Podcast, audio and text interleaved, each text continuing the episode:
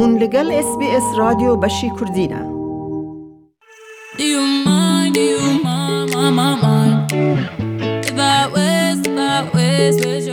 Today, my guest is music artist Vivian Nouri, who is professionally known as Nouri. Welcome to SBS Kurdish, Nouri, and welcome to Sydney. Thank you. Thank you so much. Thanks for having me. Nouri, I guess my first question would be what brings you to Sydney?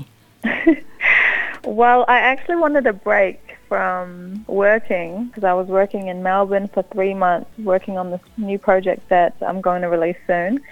And I was working for three months straight and we were in a lockdown while I was doing all of that. So I kind of wanted a little bit of a holiday and Sydney was open and my best friend is here. So I decided, let me go to Sydney. And Oh, so been- you've been here for three months. Yeah, I've been in Australia for almost five months.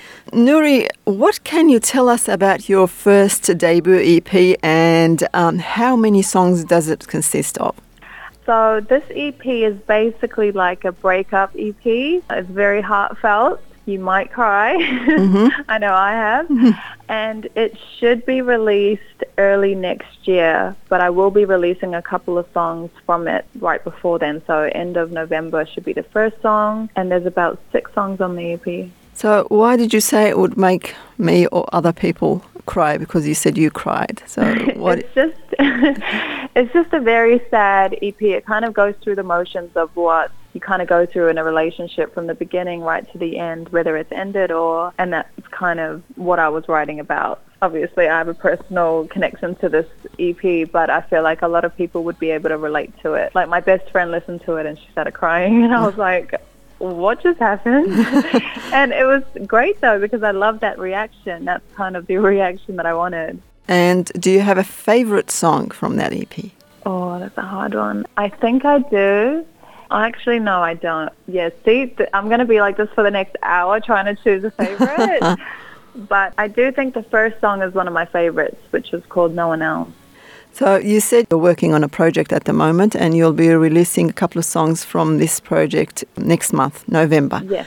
Yeah. What is so secretive about this project that Um, you don't want to tell me about it? No, I can tell you about it. I think it's just I've been asked to release a project for so long, and you know everyone kind of just thinks I'm releasing one song or two songs, but I'm finally giving everybody a project, which I've wanted to do for a while as well. But it's just so difficult, especially in these kind of COVID times, kind of create a project and be in love with it and be happy with it, and just kind of working to get it out.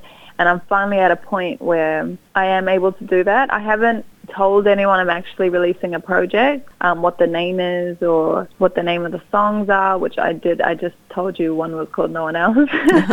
so you've got that exclusive. Yeah, I've got that. but it, it's not so secretive. It's just that I haven't actually publicly announced that I'm releasing a project, but I will be doing that soon anyway. So it's So you've mentioned COVID-19 pandemic earlier. You know it has impacted on almost all industries. Um, how did it affect you as an artist? Well, I'm in a position where I actually got lucky. So at the beginning, it was kind of just trying to figure out how everything worked and, you know, everything just moving to online and your online recording sessions. And it was, it was difficult because I've never done that. I don't think anyone's done that before. And just because I spent most of my career in and time in LA, I was trying to do Zoom sessions with the producers over there and taking the meetings over Zoom and everything like that. And then I was just trying to figure out how I could physically do this again because I just missed that physical interaction, even if it was just one person in the studio. And I connected with someone in Melbourne who has a studio and is now part of my team. And, you know, I, when I got to Melbourne, I was able to be in the recording studio almost every single day. So that's why I say I got very, very lucky. It was in within my five kilometers. And I was just like, this is all God right now because I was going crazy trying to figure out how to get this project done physically somewhere rather than over, you know, a computer because it just the Yeah. quality was just not going to be what I wanted. Uh, Nouri, why did you choose Melbourne for this project? You couldn't do it in LA?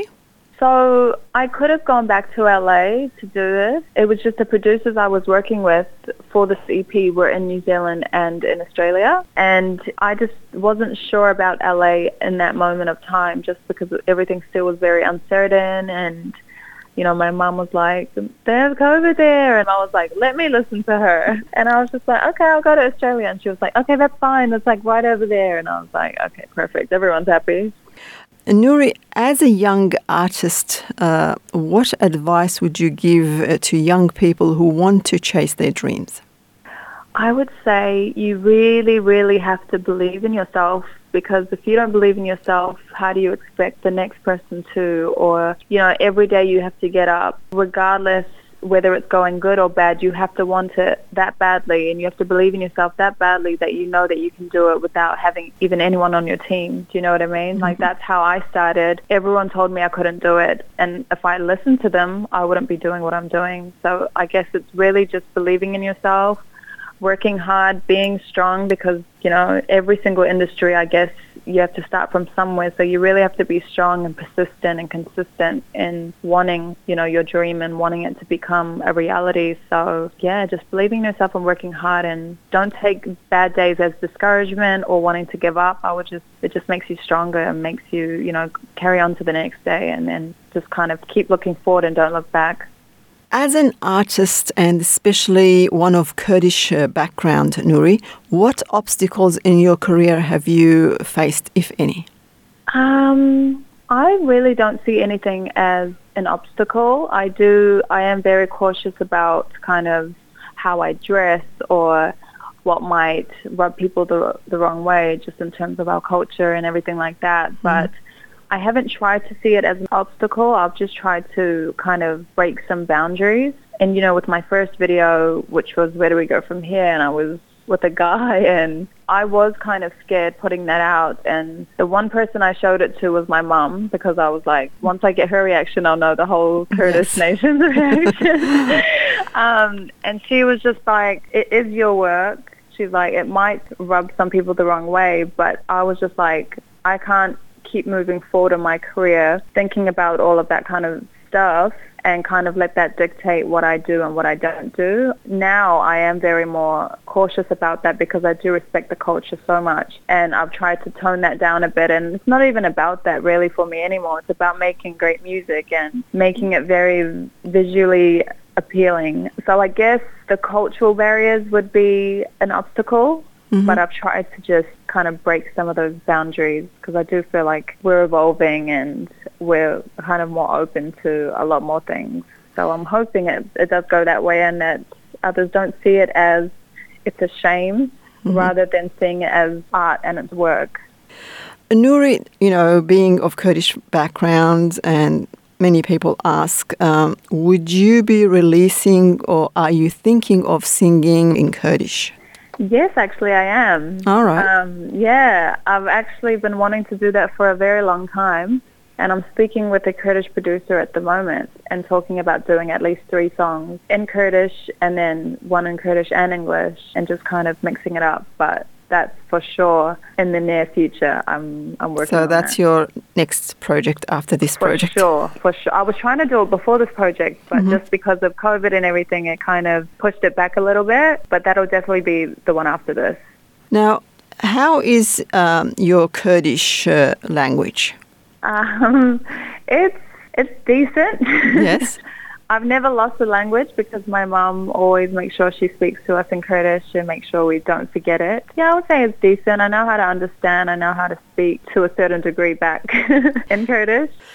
Well, Nouri, it's been a pleasure having you on SBS Kurdish and thank you for sharing your thoughts with us. And maybe next time you're in Sydney, you'll be our guest in the studio. We wish you all the best in your career. Thank you so much. Love to pass. Thank you, SBS, for having me. I really, really do appreciate it. And I would love to come to the studio to actually meet you all in person and do another interview. Do you mind? Do you mind? If I waste, if I waste, waste your time.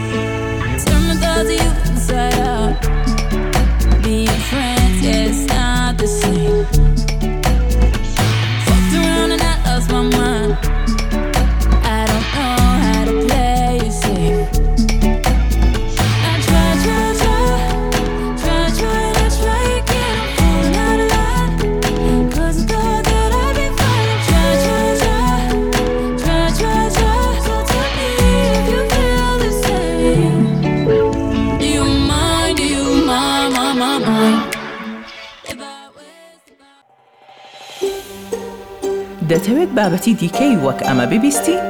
گۆڕایرە لەسەر ئەپ و پۆدکاست گوگل پۆدکاست سپۆتفاای یان لە هەر کوێیەک پۆدکاستەکانت بەدەست دەێنیت.